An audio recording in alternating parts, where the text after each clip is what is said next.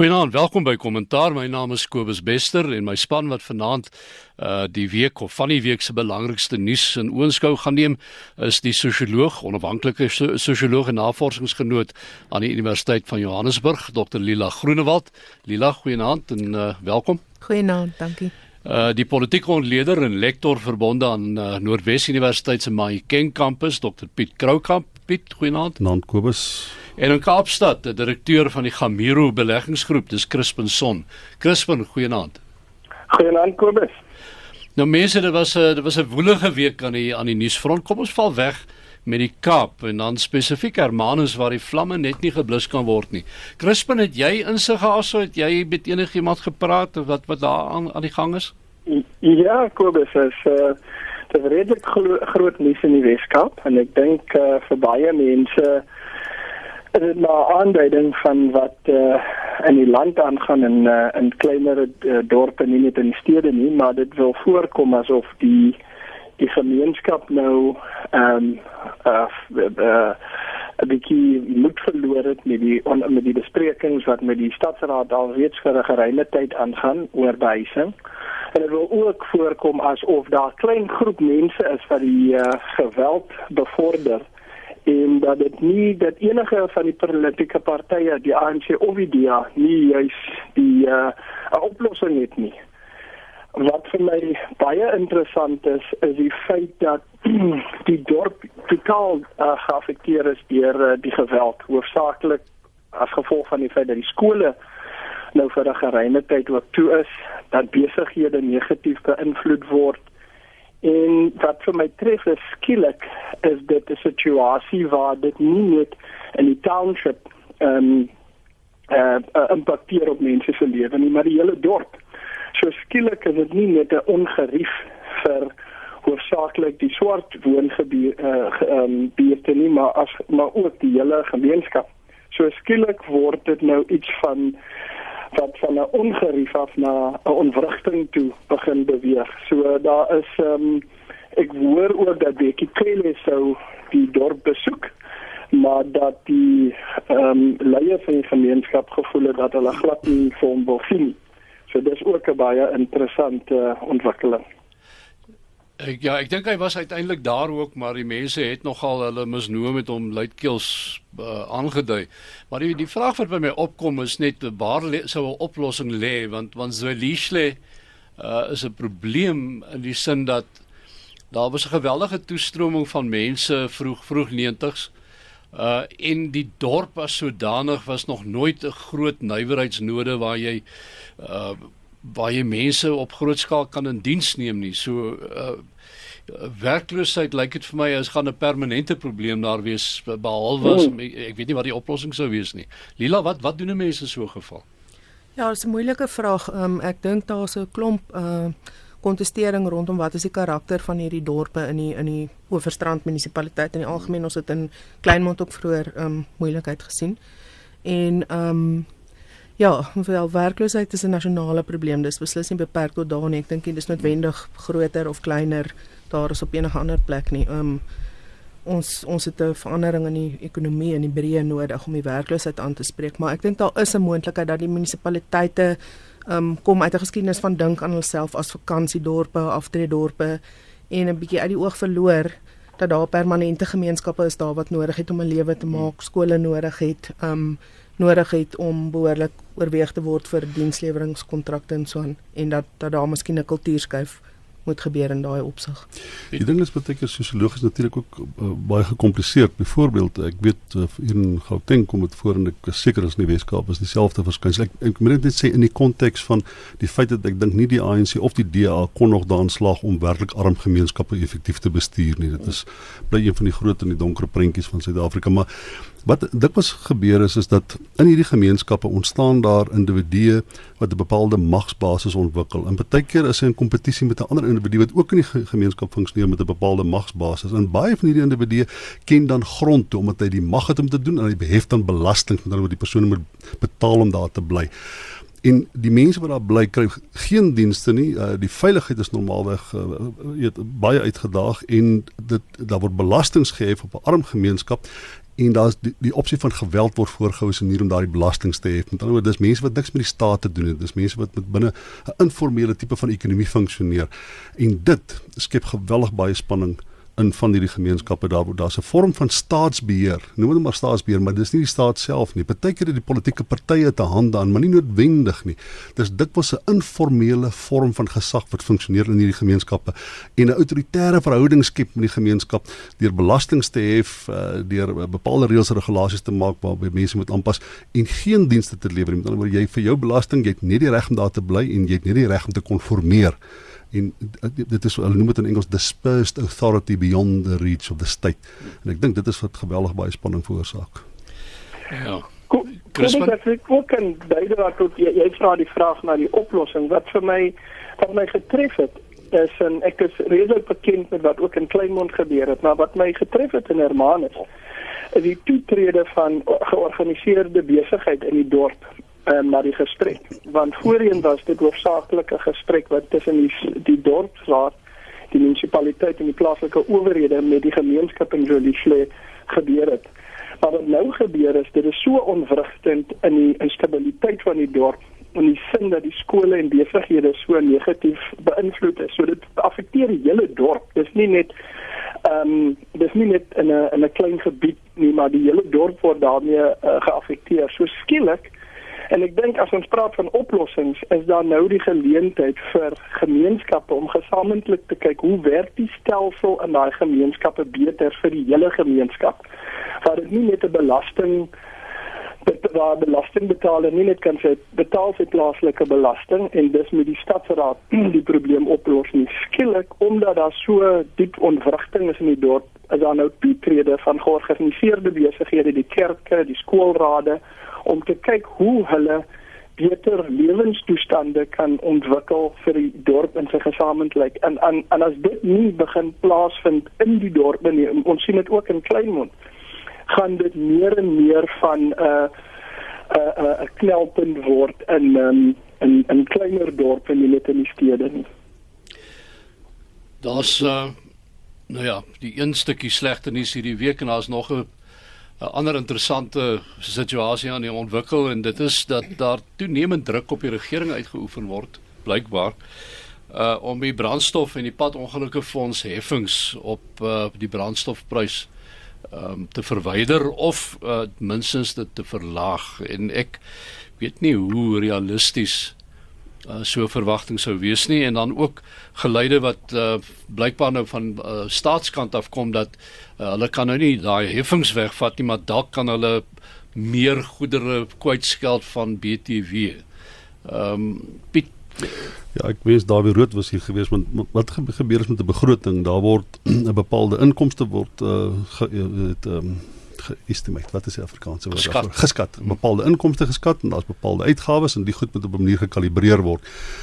En die uh uit die, die inkomste wat die staat sal kry uit uit die verhoging van uh, die weet uh nou sukkel ek. Wet wat is wet BTW BTW in Afrika na 15% toe. Dis 'n inkomste wat die staat nou op staat maak. Met ander woorde dis geld wat jy op 'n ander plek spandeer het as dit waar al klaar teoreties minstens. So jy kan dit nie verminder en as jy begin al hoe meer goed vryskel dan van dit maak moreel sin maar die feit bestaan is dan moet die staat weer die geld op 'n ander plek kry. Hy kan hy kan nie die eh, weet uh, goed vryskel dan nie die geld op, op 'n ander plek kry nie.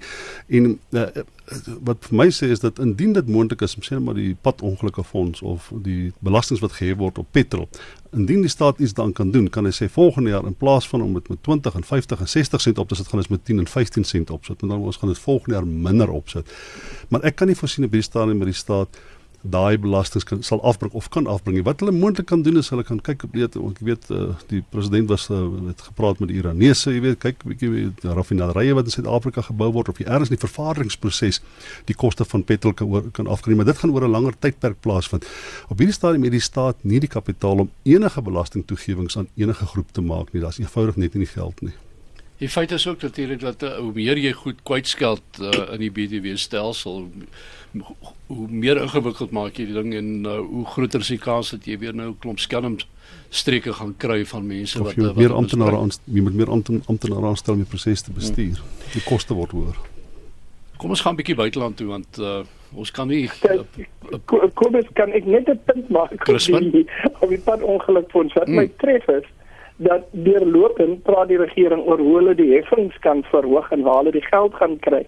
Maar wat wat ons deur wat ons nie hoor nie, is hoe hulle die pad ongeluk fonds en die bestuur daarvan uh, verbeter. Want dit waar ja. die verlies is, die verlies is dat dit so sleg bestuur is en dat baie mense so afhanklik is van die fonds veral as gevolg van van uh, die hoë uh, ongeluksyfers op ons pad. So eerder as om te fokus op waar hulle die inkomste kry, moet ons ook begin vra vra die media moet meer begin vra vra hoe maak hulle die bestuur van die pad ongelukfonds uh, beter. En dit was nog altyd 'n probleem, nee, want die ding is maar konstant bankrot. Ten spyte van al hierdie gewellige klomp geld wat nou na bewering ja, in 'n geval in daai gestop. bedrog. Maar die intensie is daarom daai, die regering het by Eskom begin en SAL toe gegaan en hulle uh, die die die die die, die beleggingskoöperasie is byvoorbeeld volgende. So ek dink daar's 'n proses of hulle uiteindelik by die pad ongelukkige fonds gaan uitkom, die weet ek nie. Ek dink nie is prioriteit eers nie, want dis kleiner bedrae waarvan jy praat. Maar die feit bestaan is hierdie idee van die staat skoonmaak is is is is, is natuurlik op op hande as jy het jy gesien die die FBS die bank ja. die die die die uitvoerende hoof van die bank wat sê maar hy weet van niks nie. Hy het hy het geen korrupsie gepleeg nie en hy weet ek van niemand het was geen, mm. geen vergadering waar daar korrupsie was nie. Mm. Nou die feit bestaan in Suid-Afrika sit ons ongelukkig met die probleem dat die oomblik wat ons Swees kry dan ons 'n komitee aanstel om die ding te ondersoek by die in die parlement. Ons moet eintlik net die klagte gaan lê en die persoon moet homself in die hof gaan verduidelik. Maar ons die hoeveelheid komitees en uh, verenigings en rade het ons saamgestel het in 'n poging om goed te ondersoek wat eintlik voor die hand liggend is daar kort dit is kriminele klagtes dit is dit is eintlik verskriklik hoeveel geld ons spandeer. Maar die feit bestaan is jy kan ook eintlik nie meer die die valke waarskynlik vertrou om die goed behoorlik te ondersoek. Jy het nie die kapasiteit om dit te doen nie. Hulle sal dit moet privatiseer. Hulle doen dit reeds op in in 'n mate. Kom ons stap 'n bietjie nou buiteland toe en uh meneer Donald Trump, uh, ons kom nie by een program deesdae verby sonder dat ons oor hom moet, uh, moet praat nie. Uh en sy besoek aan uh aan Europa en die uh die reaksie wat dit in Amerika uitgelok het want is opvallend daar's 'n hele klompie van die Republikeinse senatore sy eie party se senatore uh, wat uh, teen hom begin uitpraat het en uh, hulle stem dik maak maar ek weet nie of dit enigins verder gaan werk en jy weet uh, uh, as resultaat gaan beteken dat hy gelig gaan word. Kyk ek, ek weet nie lig is nog ver van maar die feit bestaan is dis nie dikwels wat Donald Trump om verskoning vra nie. Uh, en hy het nie om verskoning gevra nie, hy het gesê jammer ek het myself verkeerd, ek het gesê wouldn't to would bedoel dit voor het. Toe ek gesê the Russians would be ja yeah. involved this time. Met ander woorde, daai ommekeer dink ek was was was was omdat binne in sy party was daar geweldige teespraak gewees wat hy gedoen. Maar die heel belangrikste ding, hierdie mense fokus bietjie op dit. Die ander ding wat hy gedoen het, hy het met Trump uh, en ek het uh, vir Sarah Huckabee Sanderson het ek geluister hoe sy ook probeer retireer het daai net. Hy het vir Putin gesê Man, dis 'n interessante voorstel wat jy het dat ons gaan hierdie 10 ouens waarvan wat ons nou beskuldig daarvan ingemengde verkiesing kan ons met ons kan ons mense kan bietjie met hulle gesels en dan kan julle kom. Dan kan julle kom gesels met 'n paar van ons mense hierdie kant. Nou die idee dat die Kremlin opdaag of die KGB opdaag en 'n klomp Amerikaanse amptenare ondervra oor ander misdade wat niks te doen het met waarvan ons nou praat in die Amerikaanse politiek is dit jy, jy kan nie glo dat dat dat dat Trump enigstens die idee uh, uh gekoester het, maar die feit bestaan in Amerikaanse politiek is dit 'n nou nou. Hmm. Crispin, hoe voel jy oor die saak? Ja, ek ek al wat ek deurlopend sien van Donald Trump is dat ehm um, jy weet hy hy baie hy hy, hy baie min benul oor oor die strategie wat die buiteland in sy uh, sy foreign policy aanbetref nie. En en dit kom deurlopend hy iemand die ander dag die New York Times het 'n fantastiese artikel geskryf oor die feit dat hy um, hy sê sy onderhandelings uh, metodiek is uh, hy's 'n binary he's a binary negotiator. Hy kan net wen as iemand anders verloor of as iemand anders wen dan verloor hy. Nou, ons almal weet dat verhoudings tussen or groot organisasies en tussen lande is baie meer gekompliseerd as dit. Jy weet dis uh, en dit deurlopend wat Obama of uh, die, die, Macron die die leiers van die um, in, in Europa deurlopend moet moet deurwerk. Daar's baie dimensies in 'n onderhandelings en 'n uh, proses en gesprekke tussen lande en wat wat wat deurlopend deurkom is dat Donald Trump of hy het nie 'n beleid nie of hy verstaan nie sy land se beleid nie en as gevolg van die feit dat hy nie beleid het nie is hy reageer hy uh, in die, in die, in die oomblik En dit sien ons maar nou deurlopend. Hy hy hy praat sy gedagte, maar hy het geen deurlopende beleid en ek dink dit maak dit 'n baie moeilike plek ehm um, vir enige ander wêreldleier en ek dink is ook 'n baie gevaarlike uh ehm um, era waar die wêreld instoot omdat Amerika so 'n magtige land is. Dis sy groot probleem was hy was in Europa gewees, nê? En hy het alles negatief oor NATO gesê. Hy het die Duitse uh, chans uh, kanselier het beledig. Hy het 'n refleksie gewerp op op op my in in Brittanje. Hy het om uit uit, uit elke van sy vennote, historiese vennote het hy beledig terwyl hy in Europa was. En dan gaan hy daarvan af Rusland toe en dit lyk is ja. dit, of Finland toe. Finland toe gaan my gesit en praat met die Russiese president asof dit sy die groot vriend is. Dit dit, dit skep die indruk wat internasionale beleid en politiek betref asof die FSA nou saam met die Russe is teen Europa. Hmm. En dit ek dit dit sit moeilik met die meeste Europeërs en selfs Amerikaners. Lila Ja, ek dink ehm um, wat kommerwekkend is is Trump is manipuleerbaar en ek meen die hele situasie wat geskets word van 'n uh, hoof van staatsintelligensie wat 2, 3 dae na so 'n belangrike vergadering nog geen idee het wat privaat gesê is tussen die Amerikaanse president en dan 'n figuur soos Putin wat self uit die KGB en die intelligensiedienste van die ou Sowjetunie kom. Dit is ja, mis Jy weet eintlik wat om te maak van iemand wat hom om in so 'n situasie sit en hom so laat manipuleer nie. Daar's 'n interessante nuwe verwikkeling nou en dit is dat dit lyk asof daar druk in die huis van verteenwoordigers is dat die tolke wat betrokke was moet voor die huis van verteenwoordigers kom getuig oor wat daar gesê is want daar's niemand anders betrokke gewees daar nie. Nou in eerste plek dink ek dit in die grondwet van Amerika moet dit 'n probleem wees as die wetgewende gesag uh, die uitvoerende gesag op so 'n manier probeer manipuleer en bestuur. Ek ek, ek kan nie dink dit sal werk nie. Maar die feit dat die stem opgaan in onder republikeine in die wetgewing in die wetgewers. Dat kom ons kry die tolk om te kom sê wat daar gebeur het. Wys vir jou hoe geïsoleerd Trump in sy buitelandse verhoudinge is. Dit is tog nie moontlik dat hy kan ooreenkomste aangaan met Vladimir Putin wat sy amptenary nie van weet nie. Ja.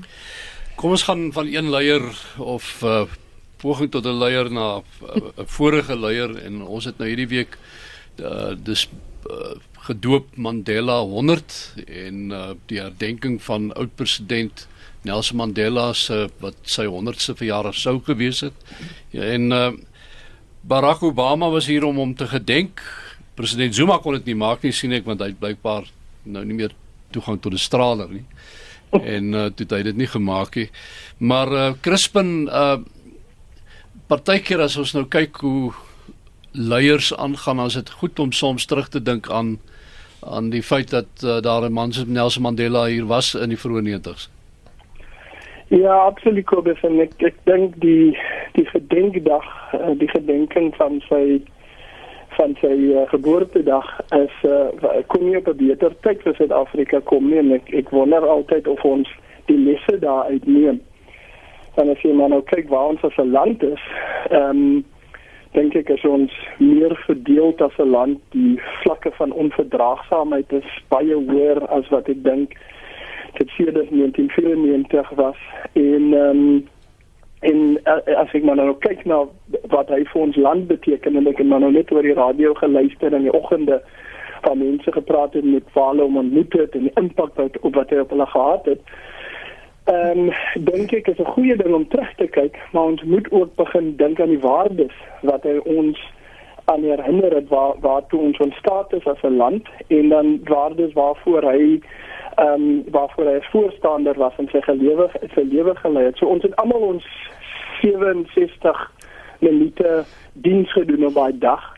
Maar wat my getref het in die media in in Suid-Afrika is dat ons baie min gepraat het uh om die etenstafel, om die braaivleistafel oor die waardes waarvoor hy staan, gestaan het en of ons ehm um, sy sy nagedagtenis enige of ons of ons dit daar te neem. En ek het 'n gevoel ons het nie. En ek dink die die die geleentheid wat ons gemis het as 'n land as om 'n bietjie terug te kyk na sy waardes en waar ons ontbreek om um, om dit uh, uh, uh, te eer. En ek ek ek voel baie diep dat um, ons daai gesprek weer moet begin en dit 'n goue geleentheid was wat ons miskien gemis het.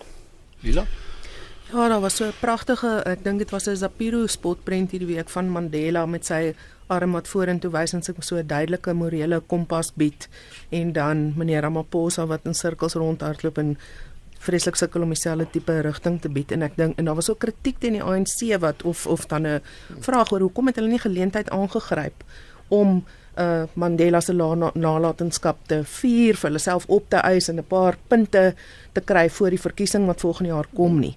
En ek dink dit daar lê die antwoord in daai spotprent van Zapiro en dit is uh, meneer Ramaphosa sê gereed om uh daardie waardes waarvoor meneer Mandela gestaan het nou so sterk te lys nie want sommige van hulle gaan die is die teenstrydig met wat die ANC duidelik beskou as sy groter bedreiging in die verkiesing as die DA dit komende van die EFF.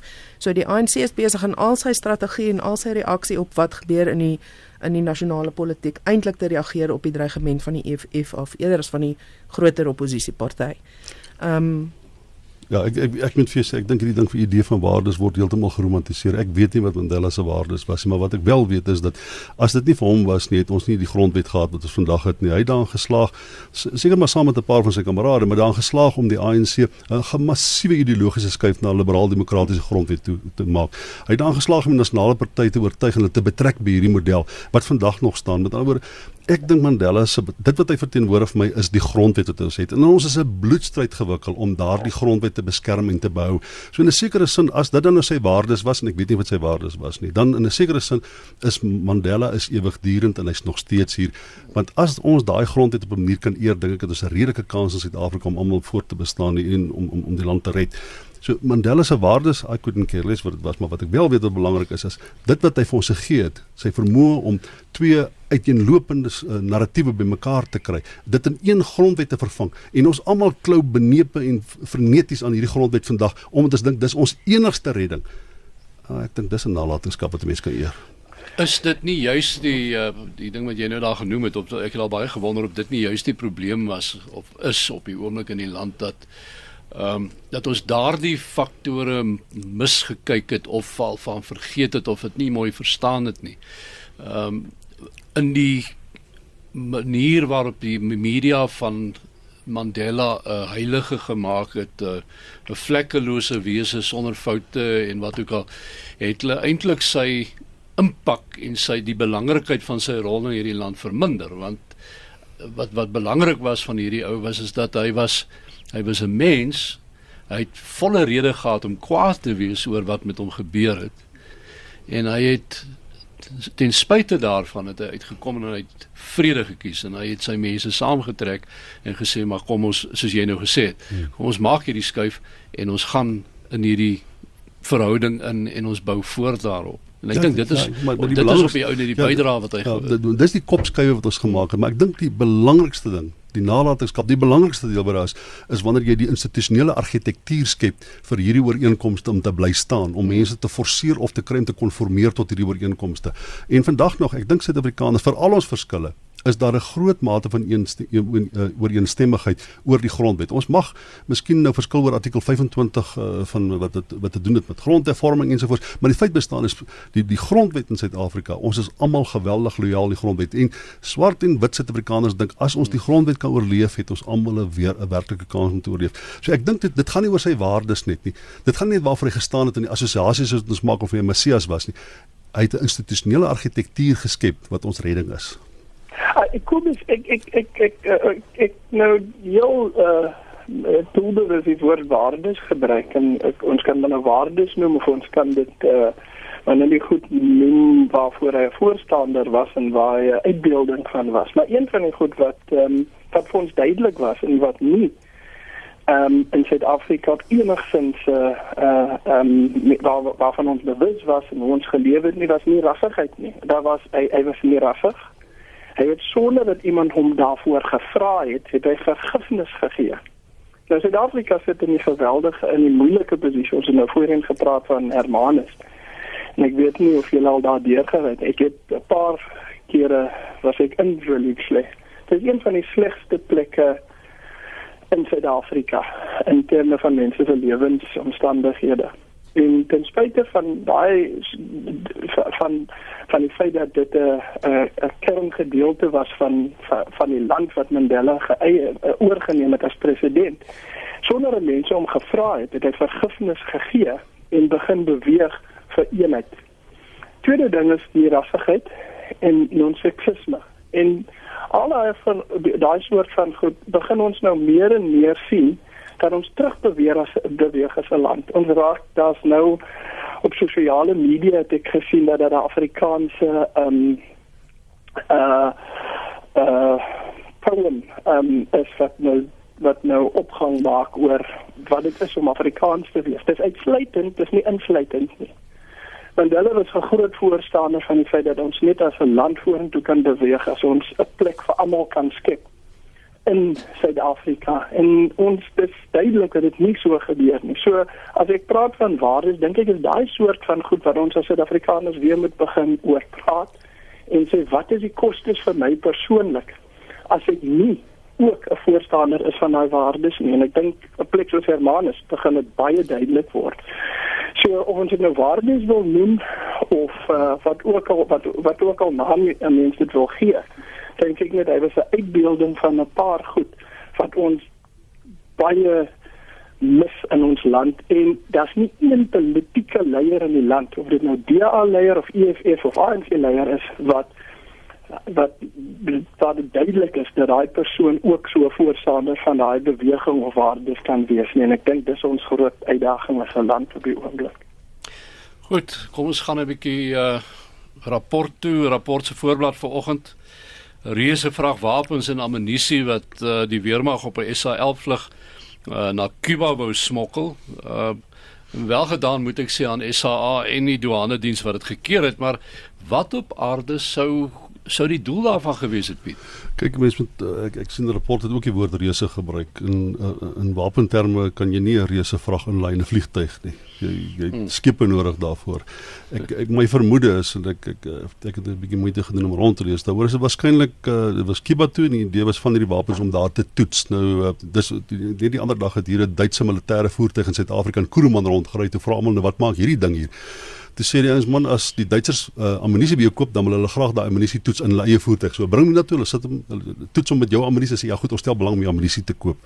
So ek vermoed dit is maar min of meer niemand weet wat daar aangegaan het nie. Maar ek vermoed dit was daai tipe van ding. Jy kan wapens inderdaad so verpak dat dit veilig is. Dat jy dit bevliegtuig kan lei aan die ander kant vervoer. Jy kan dit mekaar uithaal dat jy dat die plofstof in nie, die uh, ammunisie by nie, jy kan dit so verpak en jy kan sê kom ons gaan toets hierdie wapens aan daai kant. Ek dink net die feit bestaan dat SAL nie eens daarvan geweet het en niemand daarvan geweet nie, is natuurlik 'n verkeerde ding in die eerste plek. Ek sal nie verbaas wees as daar ander wapens uh, vervoer is deur SAL, maar in met wat daar openlikheid was oor presies wat aangaan nie, maar die feit bestaan is jy kan nie eintlik 'n reuse vragwapens vervoer met 'n vliegtyg nie. Jy het uh, jy het 'n redelike groot hoeveelheid uh, logistiek vir dit nodig. Goed, dan gaan ons van daar af na 'n ander voorblad en dit is uh, die Sunday Times in uh, 10 miljoen rand. Uh, ek gaan dit ook nie, ek gaan nou nie sê is 'n reuse bedrag nie, maar uh, op ongeoorloofde wyse uit 'n geheime projekfonds uh, bestee is om vir die minister van staatsveiligheid 'n grand nuwe huis te koop. Uh, die oue was glo nie op standaard nie. Lila? Ja, wat wat kan my sê, is 'n skande, maar ek dink ook dit dit ehm um, gooi 'n klomp vrae op oor die geskiedenis van hierdie minister met um, Arthur Fraser en die mm. ja, die onlangse geskiedenis rondom die staats en uh, sekuriteitsdiens. Ehm um, so dis dis 'n groot probleem. Ehm um, dit is 'n dis 'n area van die staatsdiens waarin mense nie wil sien dat daar sulke ehm um, sulke dinge skeefloop nie. Maar dit het baie te doen met die ministeriële handboeke so 2 of 3 weke gelede is dit 'n bietjie hersien. Ek weet nie of dit al vrygestel is nie, maar toe was daar sprake oor uh uh presies wat is die voordele van van van van 'n minister wees en uh, wat is die verhouding tussen die minister en die tesourier en die geld wat gespandeer word op hulle. En ek is seker in daai ministeriële handboek moet daar 'n indikasie wees van watter geld kan gespandeer word op 'n minister se huis of 'n nuwe minister se huis. En die ander ding is daar's natuurlik verskeie baie huise beskikbaar in Suid-Afrika nog altyd gewees, maar nou het ons soveel ministers en adjunkministers dat ek dink nie ons het werklik meer genoeg huise vir hulle almal nie. Ek weet daar's kort kort 'n dispuut voor 'n minister wat nie uitgetrek het nie, dan moet die volgende een intrek. Ek dink Des van der Rooyen het hulle maande gesukkel. Ek weet nie of hy nou al uit is nie. Gesukkel om uit die huis uit te kry sodat hulle iemand anders daar kan inkry. Maar in die geval van hierdie minister, ek weet sê hy daar was wel 'n huis. Maar die uh, bepaalde huis het blykbaar 'n bietjie nat mure gehad plek plek Ehm um, ek weet dit is nie lekker nie. Ek het al so huis ook gehad, maar uh, en van die uh, skakelaars was nie weer mooi of wat ook al nie. Maar jy maak mos goed reg. Uh, jy ja. gaan koop mos nou nie 'n 10 miljoen rand. Ja, maar dis openbare werke se taak daai. Is daai ja. huis nie op standaard is met openbare werke daarvan aangevat word. Mm. Verstaan? Ek dink ook as die minister huis koop is waarskynlik van die ek weet nie watter begroting hulle gebruik het nie, maar dikwels is die begroting van openbare werke se begroting. Ja, maar dit is nee. gemors en dis dis in dieselfde week wat die minister van van openbare werke Nuland Kesi dink ek gesê wat hy groot gewag gemaak het van uh geld wat in die verlede wanaangewend is aan korrupsie en goed en hoe hierdie mense die stryd gaan aan sê wel dan gaan dit nou weer Maar dit lyk of hierdie die veiligheidsagentskap se geld is en ek dink die feit dat die minister ja, spesiale projekte gewees het. Haar handtekening gesit het. Ek meen uh, daar's hoeveel van die mense wat beskou word as mm. mees korrupte figure uit die Zuma era waar sy 'n handtekening op 'n stuk papier kan kry maar sy het geteken om die voorsieningsketting te verbreek en om hierdie huis te koop in haar naam. So, ja. dis 'n baie magtige posisie om in te wees, die veiligheidsagentskap. Ja. Nee, vraag is ook nog om te sien of uh, jy weet gaan hulle teen haar optree want sy het baie duidelik die, die reëls oortree mm. en dis nie op daai vlak behoorde daarom seker nie net 'n klein uh rapsie oor die kneukels te wees nie. Kobus ek dink Ja, maar ek dink ook dit is kommerwekkend ons het dit, dit was redelik algemene berigte soos die wat verskyn het onder die Zuma bewind en nou ek dink ons het almal die verwagting gehad dat ons nie weer onder die Ramaphosa regering so iets weer op die voorblad sal sien nie. So ongelukkig wys dit aan nou net hoe diep die uh, die bedrog en staatskaping nog steeds uh, gesetel is in die staat. En ek sien Tito Mboweni op Twitter sê ag nee man, wat die koerant wat nou hier 'n goeie minister probeer deur die modder sleep, verstaan jy so. maar maar Tito Mboweni het die afgelope tyd nogal op op sosiale media 'n hele klomp vreemde uitlatings gehad en mense het die gevoel begin kry dat Tito self uh, begin skiet vir 'n pos in 'n toekomstige EFF regering. Maar dit is absoluut verstommend dat hy so lank dat hy so lank uh, werkloos is. Ek ek kan nie want toe hy die by die Reservebank was was 'n algemene konsensus dat hy baie goeie job gedoen het, né? Hy was hy was 'n goeie 'n goeie uh, wat mense dit uh, governor gewees, verstaan jy? Ja. Ek het verbaas dat hy so lank werkloos is. Wat is dit binne die ANC wat Tito Mboweni so on weet dat dat dat hulle van iets skep nie. Dis net asof hy unemployable omtrent is. Wel as jy terugdink Piet uh destyds voordat hy uh toe hy nog uh, by, by die minister van uh arbeid was nê nee, hmm. en en daarna da, die een van die goed wat blykbaar vir hom ongewild gemaak het in die party was dat hy wel uitgesproke was. Hy was 'n liberal geweest man. Jy weet ja. en hulle het nie daarvan gehou nie en dis dalk nog maar 'n deel daarvan wat vandag nog ja. hom terughou. Ehm um, gepraat van uh, van ministers, die minister van finansies het uh, ons het verlede Sondag ook daaroor gepraat. Ehm um, het hy verlede week het hy gesê hy gaan die hoof van die openbare beleggingskorporasie nie skors nie. Daar was oproepe dat uh, die man geskort moet word, hangende ondersoek na wat daar aan die gang is. En uh, ons weet nou almal wat uh, gebeur het met die FBS bank en uh, twee twee ouens wie se koppe gerol het by die openbare beleggingskorporasie. Nou kom en, uh, meneer Nene uh, se adjunk uh, meneer Gungubeli en hy sê want hy is voorsitter van die OBK. En hy sê vandag maar daar is probleme wat hulle nie kan oplos self nie. Die voorsitter sê dat sy direkteure wat op haar direksie sit is te vasgevang. Hulle kan nie objektief optree in hierdie uh, verband nie. So dit moet tog kommerwekkend wees. Dit is die grootste uh geldbestuurder waarskynlik in die land 2 triljoen rand dink ek of so en uh, en ek dink die agste grootste in die wêreld uh hmm. wat het, wanneer dit kom by pensioen by pensioenfonde en en uh, mense dit is tog nou nie iets wat jy oornag wil sien maar ons het nie geld om dit te doen wat ons moet ek nie kan verstaan Kobus hoe kan die minister in sy adjunk nie voor die tyd gepraat het oor hierdie ding. Hoe kan die minister die uitspraak maak en sê adjunk wat die voorsitter is van hierdie hmm. raad, uh het 'n ander boodskap om te verkoop. Op 'n manier moet hulle mos by mekaar uitgekom het. Hierdie gesprek is nou al hoe lank aan die gang. So nou wonder ek of daar nie twee verskillende politieke agendas is nie, want as jy as twee bureaukrate nie ooreenstem nie, dan kan dit net wees oor oor divers of uiteenlopende politieke agendas. Nou wonder ek wat sou dit wees? Wat dink jy sou dit wees? Ehm um, ek dink die vorige minister Nene het probeer om hierdie ding toe te smeer, te probeer beskerm deur dit weg te praat. Ek uh, vermoed daar gaan nooit 'n ondersoek behoorlik na hierdie ding kom nie. Dit gaan altyd baie moeilik wees om hierdie onskuldig te bevind want hulle het geweldig baie mag om geld op 'n bepaalde manier te spandeer. Uh daar is nie noodwendig uh, daar's nou gesprake dat daar 5 miljoen rand hande gewissel het in 'n poging vir geld om wel beskikbaar gemaak te word, maar dit was hulle waarskynlik die ouens wat buite uh hierdie instellings sal geïnkrimineer word. Buite die beleggingskoöperasie sal geïnkrimineer word. En die ouens aan die binnekant sal sê maar dit was 'n fooi wat gespandeer is vir besigheid of 'n um, uh, uh, intermediate weet ou wat in die middel van 'n transaksie staan en goed. Dit gaan baie moeilik wees om hierdie goed op te los. Maar daar is ook uh goed daar aan die gang soos die reuse bedrawer byvoorbeeld um in die independent groep of die Sekunjalo nê nee, meneer. Dit is ou storie daai maar dit nee? is presies so ja. Uh en daar's 'n klompie van hierdie goed wat ook nou uh, nog oor hulle koppe hang en en dit word blykbaar ook nog maar bietjie stilgehou. Ek sien nie dat daar dit klap 'n paar ondersoek. Alles rondom die beleggingskoöperasie vat geweldig baie tyd en dit lyk so half asof die goed met die tyd verdwyn en net net, net wegsyfer in die sand is reg. BRICS Alle spitsberaad is op hande en uh, ek sien dat uh, die waarnemers reken dat China gaan dit gebruik ook as 'n uh, deel van sy doelwit om sy beleggings in Suid-Afrika te vergroot en om sy posisie as die land se grootste enkele handelsvernoot uit te brei. Hoe voel ons daaroor? Lila. Uh ek wil tog um net terugverwys na meneer Obama se toespraak want ek ek het gedink daar was 'n paar baie interessante opmerkings wat daarop dui dat hy probeer om 'n om 'n bietjie sentimente beïnvloed oor hoe moet belegging werk en so aan. Um en ek ek dink is 'n jammerte as ons grootste beleggingsstrategieë um, vir Suid-Afrika te doen het met um lande wat so swak menseregte uh rekord het. Um soos die sekere van die BRICS lande wat China insluit. Hmm.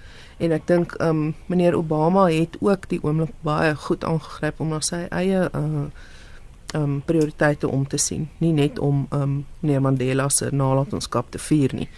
En ehm um, dat sy sterkste boodskappe gegaan het daaroor dat hy baie ontevrede is oor wat is besig om te gebeur met handelsooreenkomste onder meneer Trump se leierskap en en ek dink dat hy daar probeer so die een het het ook te doen met met geld ek met die beleggingskorporasie as mens daarna ook terugkyk is dit dit is 'n absolute krisis van legitimiteit vir die leierskap van die ANC as daar probleme is met die staatspensioene op hierdie stadium. As ons kan sê ons gaan nie kan ordentlik pensioene betaal nie. So daai legitimiteit moet behou word hoe en en hy het 'n sterk stuk raad gewel ek lees dit so waar kom die skielik die duidelikste stelling van meneer Ramaphosa vanaand dat ons moet die miljarde rande wat gesteel is terugkry. Nie net belegging kry en mense straf en skoonmaak nie, maar dis ek dink die sterkste duidelikste stelling wat ons kry ons moet dit terugkry en ek dink miskien daardie gesprekke in by die Obama Foundation kon kon dit beïnvloed het. So ja, ek ehm um, daar's daar's stukke goeie raad, maar daar's ook Ehm um, baie van hierdie raad het te doen met ehm um, Amerika en meneer Obama se agenda rondom handel eerder as om spesifiek na Suid-Afrika se belange te kyk. Dis baie moeilik as ons nou ons rugkeer op China. Waar is dit veronderstel om vanaand te kom indien nie die ander uh ontwikkelende ekonomieë nie. Ehm um, ja. Crispin? Ja, kos ja, eh, ons het uh, voorheen gepraat oor uh, die buitelandse beleid van Donald Trump of die die die feit dat dat daar nie 'n uh, duidelike buitelandse beleid is um, van Amerika op die stadium en ek dink enige land Suid-Afrika ingesluit moet die vermoë hê om verhoudings te bou met mense wat hulle hulle die groei van hulle ekonomie kan bevorder. En Suid-Afrika het op die stadium buitelandse belegging nodig. Ehm um, om die ekonomie te kan groei. En ek dink al die ekonomiese probleme wat ons het, gedeelte daarvan, nie die volle prentjie, maar gedeelte daarvan is nou natuurlik die feit dat daar nie genoeg buitelandse uh, uh, investering en dan tweedens ook handel ehm um, uh, kan plaasvind tussen uh, buitelandse lande. Dis so as gevolg van die die die Amerikaanse buitelandse beleid dink ek soek Suid-Afrika nuwe vennote. Europa was 'n goeie vennoot, maar hulle het ook baie goeie groot probleme intern. So my gevoel is dat dit 'n natuurlike vennoot is um, vir Suid-Afrika as gevolg van die BRICS-verhouding, maar ook as gevolg van die ehm um, die dinamika in die, in die Chinese ehm um, regering waar hulle ook nou toegang moet hê met hê na kos en sekere bronne en so dit dit maak absoluut sin dat ons verhoudings sal probeer ontwikkel met China. Ehm um, maar wat my ook uh tref is dat as dit wel gebeur, is dit 'n stem van vertroue in die ekonomie want voor mense of lande belê in 'n land sal hulle seker ook wil hê dat die voorvereistes van beleggings wel um, in daai land uh, uh, uh, bestaan soos byvoorbeeld dat daar goeie beleid is oor uh, individual property rights dat die kapitaalmarkte goed, goed werk dit goed gereguleer is. So as jy 'n nuwe vennoot in so globale ekonomiese omgewing kan lok is dit 'n goeie uh, teken van vertroue en ek dink as gevolg van die feit dat Amerika so terug staan en nie um, ons nie sien dat hulle 'n goeie verhouding met Afrika lande begin koester nie dink ek is dit 'n baie natuurlike ehm um, opsie vir die Suid-Afrikaanse hmm. regering. Crispin, ek dink ons gaan nog baie daaroor praat, maar ek moet nog nou ongelukkig alles halt roep en sê die tyd is verby het vir ons ingehaal. Vir baie dankie sê aan die paneel wat vanaand deelgeneem het. Dit was Crispin Son daarso in die Kaap. Hy's 'n direkteur van Gamiru Beleggingsgroep. Ons het ook gepraat hier met Dr Lila Groenewald, sy's 'n onafhanklike sosioloog en uh, Dr Piet uh, Piet Kroukamp van Noordwes Universiteit se Mahikeng kampus, politieke ontleder. En ons groet tot volgende Sondag. My naam is Kobus Besser. Totsiens.